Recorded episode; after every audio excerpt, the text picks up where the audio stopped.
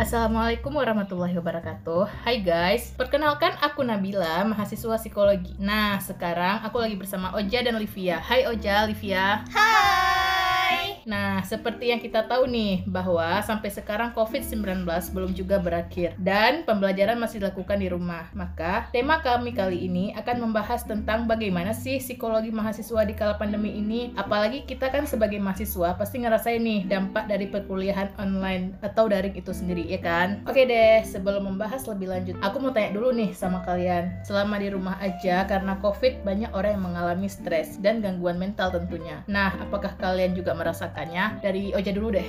Aku ngerasain stres banget sih, karena aku orangnya ekstrovert yang suka ketemu banyak orang. Jadinya karena pandemi ini harus di rumah aja kan, aku ngerasa terkurung, gak bisa ngapa-ngapain. Kalau ada masalah, aku jadi kepikiran banget sampai gak bisa tidur. Oh, berarti Oja lumayan merasa stres lah ya. Hmm. Terus gimana dengan Livia? Kalau aku sih mungkin lebih ke merasa cemas ya, karena pandemi ini merupakan suatu hal yang baru bagi aku. Apalagi kalau keluar kan harus jaga jarak, pakai masker, dan protokol kesehatan lainnya kan. Pastinya merubah kebiasaan ke hal yang baru itu kan nggak gampang.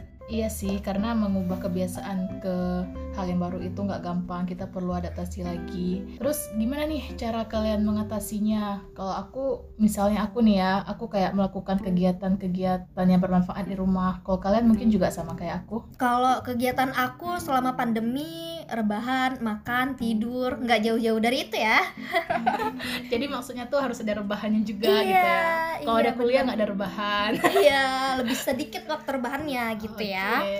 Jadi awal-awal pandemi tuh aku ngerasain bosan abis-abisan mau ketemu teman-teman nggak bisa kan ya. Tapi alhamdulillahnya sekarang aku udah nemuin coping mechanismku. Oh ya, mungkin buat teman-teman yang belum tahu, coping mechanism itu adalah kegiatan yang kita lakuin untuk melepas stresor yang kita alami.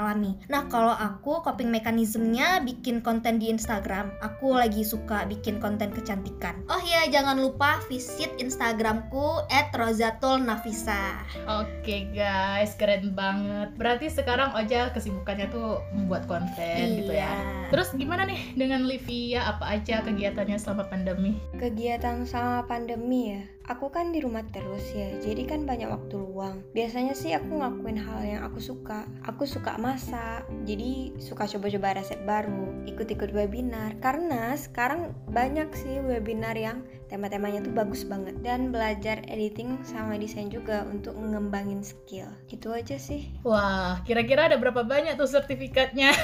kan udah banyak ikutan kan ya? Iya, ikut webinar itu juga penting loh, karena nambah ilmu kita juga Iya, ya. bener Selain itu ada dapat bonus sertifikat. Dan beruntungnya pandemi ini kita bisa ikut webinar gratis. Kalau sebelum pandemi kan kita ikut seminar berbayar gitu. Iya, bener-bener bener. Nah, berarti walaupun di rumah aja nih karena pandemi, tapi kan tetap produktif ya, walaupun ada rebahannya gitu ya. Iya, rebahan itu memang nggak boleh di skip Oh ya. iya sih. Oke, sekarang kita masuk ke pertanyaan tentang kuliah online nih. Pasti kalian ngerasain banget lah ya sebagai mahasiswa yang sedang melakukan kuliah online. Pertanyaannya itu menurut kalian gimana sih kuliah daring itu worth it enggak? Uh, pastinya ngebosenin, tapi aku harus enjoy. Aku pintar-pintar ambil waktu istirahat 5 menit gitu sih di sela-sela eh, kuliah atau bikin kopi biar semangat. Untuk tugas dari kampus nggak banyak ngasih sih, alhamdulillahnya. Kalau aku sih lebih prefer ke kuliah tatap muka ya, karena kan kita bisa ketemu sama teman-teman, buat tugas sama-sama. Lebih seru aja sih. Kalau daring ini kan semuanya serba sendiri, harus di rumah terus kan ya. Jadi aku nggak ngerasain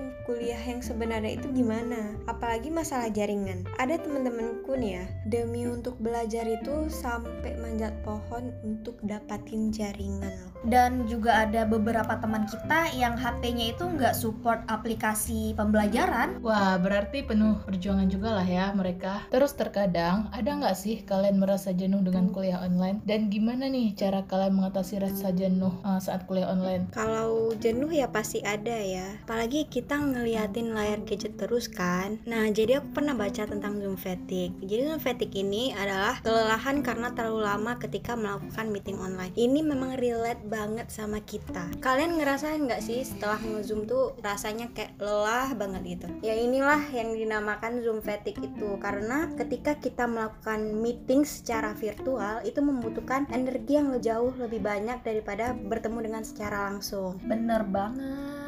Itulah kenapa kita abis kuliah pakai Zoom pasti rasanya capek padahal cuma duduk depan layar doang gitu kan. Dan biasanya kalau untuk aku cara mengatasinya tuh dengerin lagu yang aku suka untuk refreshing aja. Tapi sebenarnya kita juga harus tahu gimana cara belajar kita. Karena kan setiap orang punya cara belajar yang berbeda. Nah, jadi gitu teman-teman. Cara Livia dan Oja mengatasi rasa jenuh saat kuliah online itu berbeda. Kayak misalnya Livia itu mendengar lagu saat kuliah online, tapi yang jangan dengar lagu ketika Zoom ya.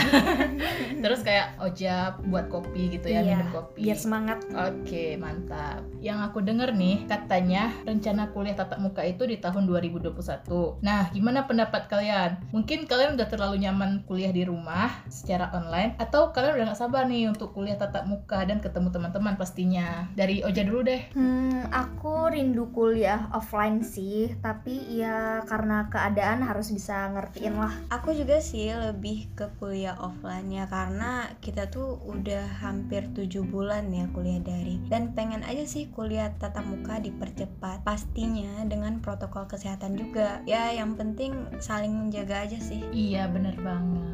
Oke deh, pertanyaan terakhir nih dari aku. Kira-kira apa sih hikmah yang kalian dapetin dari adanya pandemi ini? Untuk aku dari pandemi ini aku bisa lebih peduli dengan kesehatan dan punya lebih banyak waktu untuk ngembangin hal yang aku suka gitu dan mulai memahami teknologi juga untuk sekarang. Ya, aku sama kayak Olivia. Tambahannya sih lebih banyak waktu dengan keluarga, eh, belajar stress management. Oh, jadi hikmahnya itu kalian bisa lebih banyak waktu dengan keluarga, lebih mengerti tentang aplikasi. Terus juga yang terpenting kalian udah lebih memahami arti kesehatan dong ya. Iya, benar Oke guys, sekian podcast dari kita. Semoga podcast kami ini bisa memberi kalian ilmu baru, bisa menghibur kalian, dan pastinya bisa memberikan hal positif terkait dengan psikologis mahasiswa di masa pandemi ini untuk kalian. Oke, terima kasih untuk Oja dan Livia udah sharing tentang masa kuliahnya selama pandemi ini. Semoga bisa bermanfaat untuk yang dengar ya. Dan untuk kalian semua yang mendengar podcast ini, semoga bisa menambah ilmu baru untuk kalian. Dan tetap semangat ya. Assalamualaikum warahmatullahi wabarakatuh. Bye-bye bye.